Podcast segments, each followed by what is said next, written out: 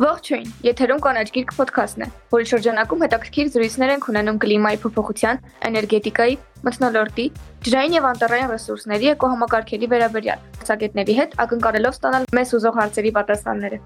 Ձեզ հետ են այսօր հրազդանի Վիլյամ Սարոյանի անվան համար 11 հիմնական դպրոցի աշակերտներ Ռաֆայելը եւ Արինան։ Եվ մեր զրույցը շարունակվում է էներգետիկայի ոլորտում ակտիվ գործունեություն ծավալող փորձագետ Աստղինե Պասոյանի հետ։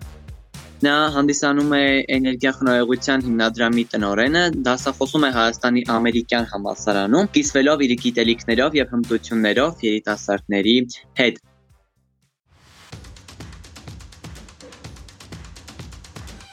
Որոնք են կանաչ աճի պահանջները։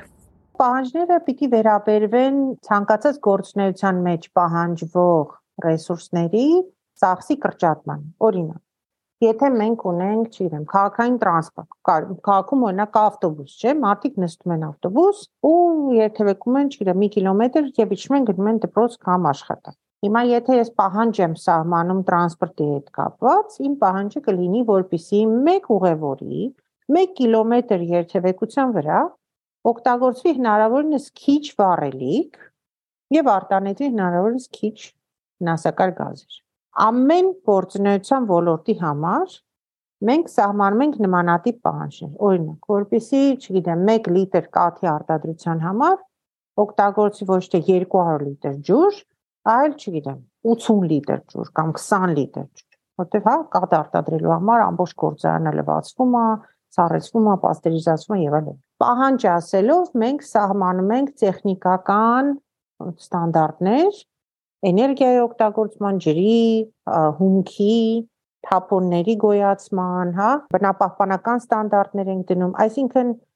փորձում ենք նորմերի բերել, կարգավորել ամեն արտադրակարար օգուտի հետ կապված աղտոտումը։ Միաժամանակ մի պահանջ էլ կա, որը որոշ երկրներում արդեն կիրառվում է,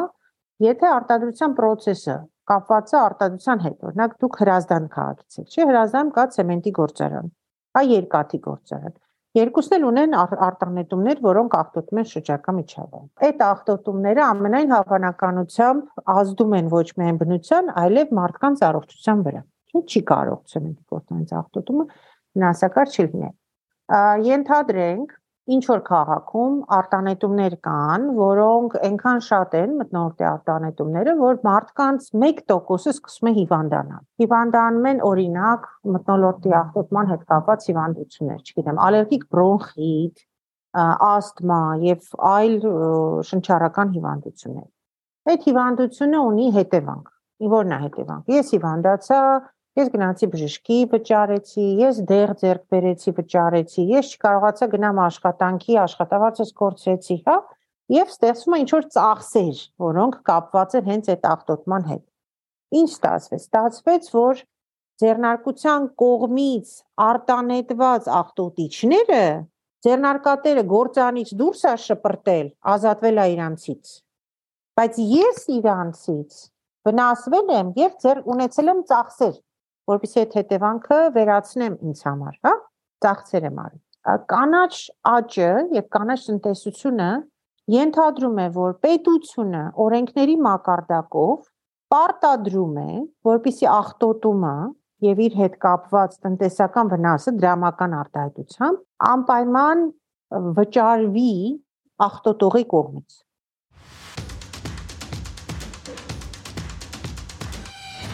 Իսկ ինչքանով է պետությունը հետևողական դրան։ Այն բոլոր երկրներն, որտեղ դա աշխատում, պետությունը հետևողական։ Օրինակ, ստեղծվում են բնապահպանական հարկեր։ Նու մեր պետությունն էլ ունի բնավճարներ են կոչվում, այսինքն հրազդանում աշխատող ցանկացած ձեռնարկություն, որը աղտոտում է, հրազդանի համայնքապետարանին վճարում բնավճար, հա, բնապահպանական հարկ է վճարում։ Ինքը, նու հիմա մի քիչ աշխարհում շատ ավելի զարգացած հարկատեսակներն օգտագործում։ Օրինակ, արտանետված ամեն տոննա SO2-ը պիտի ունենա տնտեսական արժեք։ Ինչի, որտեղ պետությունը վերցնի այդ հարկը ու օգնի այն մարդկանց, որոնք հիվանդացել են, օրինակ սուբսիդավորելով իրենց բուժում։ Այսինքն խոսքը է գործիքներից մեկը, պահանջներից մեկը, բացի այդ տեխնիկական ստանդարտներից, որ ես թվարկեցի, նաև դրամային արտահայտում տալ բնության վրա բացասական ազդեցության։ Այսինքն հենց աղտոտեցի, դրա գինը պետք է վճարես։ Եվ դա այդ գումարը պետքա գնա պետբյուջե եւ պետ պետական բյուջեից հետո արդեն ֆինանսավորեն բնապահպանական ծրագրեր, որ կմաքրեն այդ աղտոտումը հնարավորինս նվազագույնի կհասցնեն։ Լավ, իսկ ինչ քննադատություն կա կանաչ աճի վերաբերյալ։ Բացի այն, որ օրինակ գործարանի դերերն ասում են ծախսատար է։ Ինչ ուրիշ ինչ քննադատություններ կան։ Նա հանկեղծ ասած ես շատ չեմ սիրում այդ աճ տերմինը։ Աճը ենթադրում է, որ ինչ-որ մի բանը մեծանում է ու մարդկություն էս վերջի հատկապես երկու դարը տենց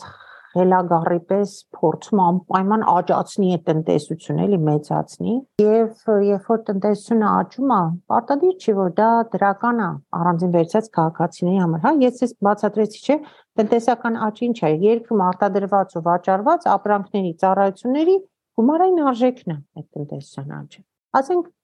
ինչ որ շարքային թոշակառուի համար ինչ օգուտ այդ տնտեսական աճից, հա։ Ասենք որ երկրում արտադրվեց ոսկի, չգիտեմ, մոլիբդեն, պղինձ, չգիտեմ, Պողոս Պապիկին, որ ապրում է վայքում թոշակով, ինչ օգուտ է տնտեսական աճից։ Ոչ մի բան։ Հիմնական չի անդրադառնում է տնտեսական աճը մեծամասամբ։ Դրա համար սիրում ենք ավելի շատ օգտագործենք ոչ թե կանաչ աճ, այլ կանաչ զարգացում տերմինը, որը նշանակում է թե տնտեսությունը աճել է ավելի շատ ապրանք ենք սպառել ու ծառայություններ, այլ ավելի շատ մեր կյանքի որակն է լավացել։ Այսինքն մենք ավելի մաքուր բնության մեջ ենք ապրում, մենք ավելի առողջ ենք, մենք ավելի քիչ աղքատություն ունենք, հա, այսինքն բնապահպանական եւ սոցիալական ցուցանիշներն էլ են լավանում, հա։ Մենք ավելի ապահով ենք մեզ գում, մենք ավելի մաքուր օդ ենք շնչում, ավելի քիչ ենք հիվանդանում։ Դա ավելի կարևոր է կայուն զարգացման համար, քան այդ աճի տերմինը։ Եվ եթե մենք լուրջ պահանջներ սահմանենք, որ օրինակ բոլոր տեխնոլոգիաները պիտի լինեն կանաչ, դա նաև կարող է ունենալ բացասական հետևանքներ։ Օրինակ բերեմ, ժամանակին նախորդ դարի 70-ական թվականներին Ամերիկայի Միացյալ Նահանգներում թթվային անձրևների պատճառով, հա, անձրևների մեջ այնքան ծծմբի երկօքսիդ կար, SO2 օդ մթնոլորտում, որ անձրևները գալիս էին ծծմբաթթվի տեսքով եւ քայքայում էին ասֆալտը, տանիքները, մեքենաները եւ այլն։ Որպեսզի ազատվեն այդ թթվային անձրևներից, ստիպված էին հրաժարվել ածուխ վառելուց, որտեղ այդ SO2-ը ածուխ այրելուց էր արտանետվում։ Եվ ինչ ստացվեց։ Ամերիկայի շատ նահանգներ, որտեղ այդ ածխի հանքերն էին, փակվեցին այդ հանքերը եւ այդ նահանգներում, որտեղ ածխի հանքերը փակվեցին, առաջացավ մեծ քանակությամբ գործազրկություն։ Ածուխը օգտագործելը լավ միտք էր ոչ, փակել պետք էր այո, պետք էր ազատվել ածուխից էլեկտրակայանի ստանալուց։ Միանշանակ ածուխ ամենակեղտոտ հանածո վառելիքներ։ Ունեցավ բացասական հետևանք։ Այո, ունեցավ բացասական հետևանք ստեղծվեց գործազրկություն, եղավ սոցիալական ռիսկեր, կային մարդիկ, որոնք դարձան աղքատ, որտեղ էլ աշխատանք չգտան եւ այլ եւ այլ։ Այսինքն մենք պիտի հասկանանք, որ կանաչ տեխնոլոգիաների, կանաչ աճի, կանաչ զարգացման անցումը հնարավոր է, որ որոշ գործունեության տեսակներ, որոշ մասնագիտություններ ընդհանուր դուրս մղի տնտեսությունից եւ ասի որ դուք այլևս չեք համապատասխանում կանաչ աճի մեր ճաշակին, հա, այլևս մեր պահանջներին չեք համապատասխան։ Եվ դա պետքա նախորոք հասկանալ, գիտակցել, պատրաստվել դրան, գտնել այդ խոցելի սեկտորները, պաշտպանել այդ մարդկանց, սովորեցնելով իրենց ուրիշ մասնագիտություններ օրինակ եւ այլ եւ այլ։ Դա կա, այդ կողմը լինելու է, այսինքն այն ավանդական ոչ կանաչ, այսինքն գորշ տնտեսությունը պիտի ոչ թե ոչնչացվել, փորձենք իրան կանաչացնենք, իրան ուղենք, որպիսի կորուստները նվազագույն լինեն։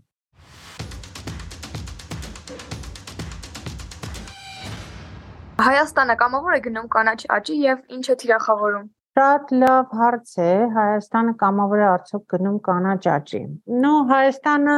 եւ կամավոր եւ ոչ այդքան, որովհետեւ աշխարհի այն հարավոր երկրները, որ կան, արդեն համաձայնվել են կանաչ աճի օրակարգի շուրջ, այսինքն սա չէ որ Հայաստանը որոշել, որ ինքը մենակով գնալու է։ Այլևս միջազգային շարժում է կանաչ տնտեսության անցումը եւ եւ կլիմայի փոփոխության պատճառով եւ ընդհանրապես մոլորակի բնապահպանական մարտահրավերների պատճառով բոլոր երկրները հայտարարել են այդ թվում նաեւ կլիմայի փոփոխության շրջանակային կոնվենցիան ունի տենց Փարիզյան համաձայնագիր, որ մենք պիտի ամեն ինչ անենք, որ մինչև 2050 թիվը մեր արտանետումները հասնենք 0-ի Այսինքն մենք այլևս մոլորակի կլիման չփչացնենք, փորձենք հնարավորինս կանգնացնել կլիմայի փոփոխությունը։ Եվ դրա համար այդ ուղղությամբ արվում է շատ աշխատանք հազարավոր տարբեր երկրներում, հազարավոր քաղաքների, հարյուրավոր պետությունների կողմից, եւ միաժամանակ կան մեխանիզմներ, որով օգնում են զարգացող երկրներին, որոնք, ասենք, ֆինանսների կարիք ունեն, ինքնուրույն դա չեն կարող անել, որpիսի այդ անեն իրենց երկրներում։ Հայաստանը տարբեր ծրագրերով, տարբեր միջազգային համաձայնագրերով եւս տանձնել է պարտավորություններ անցնելու կայուն զարգացման, կլիմայի փոփոխության դեմ պայքարի, կանաչ տնտեսության եւ այլ եւ այլ։ Այսինքն մենք ունենք միջազգային պարտավորություններ, դրա համար հարցում եք Հայաստան ինքնուրույն է որոշել, ինքնուրույն է որոշել ստանձնել այդ պարտավորությունները։ Իհարկե, դա մեր պետության որոշումն է եղել անկախ բայց այն որ մեզ միանշանակ հորդորում է միջազգային համայնքը այդ ուղությամբ շարժվել, դա այդպես է։ Ինչի է սա մեզ համար լավ, որտեղ նայեք, երբ որ նայում ենք հիմա համաշխարհային շուկան, շատ ավելի պատկերացրեք, էլի օրինակի վրա բերեմ, հա։ Հայաստանը իր արտադրող հարավոր արտադրողներ կան, հա, գիտեք, մենք մեր ծիրանը, մեր էսը, մերենը, հա, շատ ամենահաճախ տարածված արտահանվող, շատ մեծ ծավալներ ունեցող բաներից մեկն է ճիրը։ Հիմա ճիրը կարելի է արտադրել տարբեր ձևերով։ Կարելի է ճիրը արտադրել սովորական, չգիտեմ, ծծումբ են տալիս, որ ինքը շատ սպիտակ մնագունը պահպանի, գազով առանների մեջ են չորացնում, որ արագ լինի եւ այլ եւ այլ, լուստացում է ինչ որ ճիր, որը Հայաստանը վաճառում է 1500 դրամով 1 կիլոգրամ։ Բայց եթե ձեռնարկությունը կողք դնի այդ տեխնոլոգիան, փորձի անել այդ նույն ճիրը արտադրել կանաչ տեխնոլոգիայով, այսինքն համարյա չօգտագործի ծծում, որտեղ դա վնասակար է։ Չորանոցները աշխատացնի արևային էլեկտրաէներգիայով, հա, էլեկտրական չորանոցներ օգտագործի։ Հնարավորինս ազատվի քիմիական օճառների օգտագործումից այդ միտքը լվանալով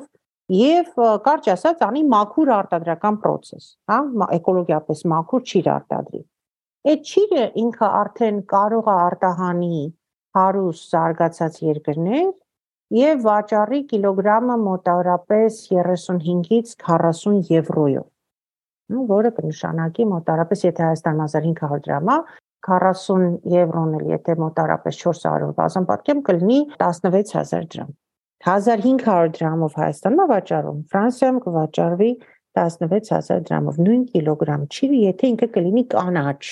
ճակերտավոր։ Թիրախավորել ասելով մենք միանշանակ ուզում ենք, որ մեր տնտեսությունը մաքուր զարգանա բոլոր ոլորտներում, բայց նաև մենք որպես փոքր տնտեսություն, որը պիտի արտահանի, մենք պիտի թիրախավորենք արտաքին շուկաներ, արտադրենք եւ արտահանենք այնպիսի ապրանքներ, որի համար վճարունակ սպառողը պատրաստ է ավելի մեծ գին վճարել։ Բայց մեր թիրախը դա է, եթե մենք կարողանանք ոչ միայն անցնենք կանաչ տնտեսությանը, որբիսի մեր երկիրը ավելի մաքուր լինի, մեր բնությունը ավելի առողջ լինի, այլև մենք կարողանանք դրանով Հայաստանի տնտեսական մրցունակությունը արտադրելու, աշխատատեղեր ստեղծելու, արտահանելու, երկիր օտարերկրյա բան, վալուտա բերելու, հա, ուրիշ երկրներ, այսինքն որ արտահանում ես դրսից բերում ես դոլար, եվրո, դրանց քո տնտեսությունը իրոք հարստանում մենք պիտի թիրախավորենք այ այդ տեսակի կանաչ անցումը որ ոչ թե տնտեսությունը ճնշում է այլ հակառակը սարկում ավելի մրցունակ, սարկում ավելի գրավիչ արտաքին ներդրողների համար եւ ստեղծում ապրանքներ ու ծառայություններ, Օրինակ մենք կարող ենք անել սովորական туриզմ, հա, որ գալիս են մարդիկ, լցվում են կոնդիցիոներով ավտոբուսները, գնում են 5 աստղանի հյուրանոցներ։ Եվ կարող ենք առաջարկենք էկոտուրիզմ, երբ որ մարդիկ գալիս են, հա, գնում են գյուղերը, ապրում են գյուղական ընտանիքներում, հա, իրանց ոտով սար են բարձանում, կով են կթում, տեսնում են գյուղական կյանքում ոնց է ֆերման աշխատում, ոնց է կաթից պանիր սարքվում եւ այդ մարդիկ ոչ պակաս վճարունակ են։ Բակ իրանք արդեն ուզում են էկոլոգիապես անվտանգ տուրիստ լինել, այդքան գիտակից են եւ իրանք շատ քիչ տեղեր ունեն գնալու։ Եվ էկոտուրիզմի միջոցով մենք ոչ միայն սովորական տուրիստներ ունենանք, այլև առաջարկենք այդ էկոլոգիապես կայուն, անվտանգ, բնությունը չվնասող туриզմը ու դրանով մեր երկիրը հարստացնենք։ Ինչ որ մենք թիրախավորում ենք այ այդպիսի կանաչ տնտեսական զարգացումը, որը նաև մեր երկիրը կզորացնի, կհարստացնի եւ կսարքի ավելի մրցունակ։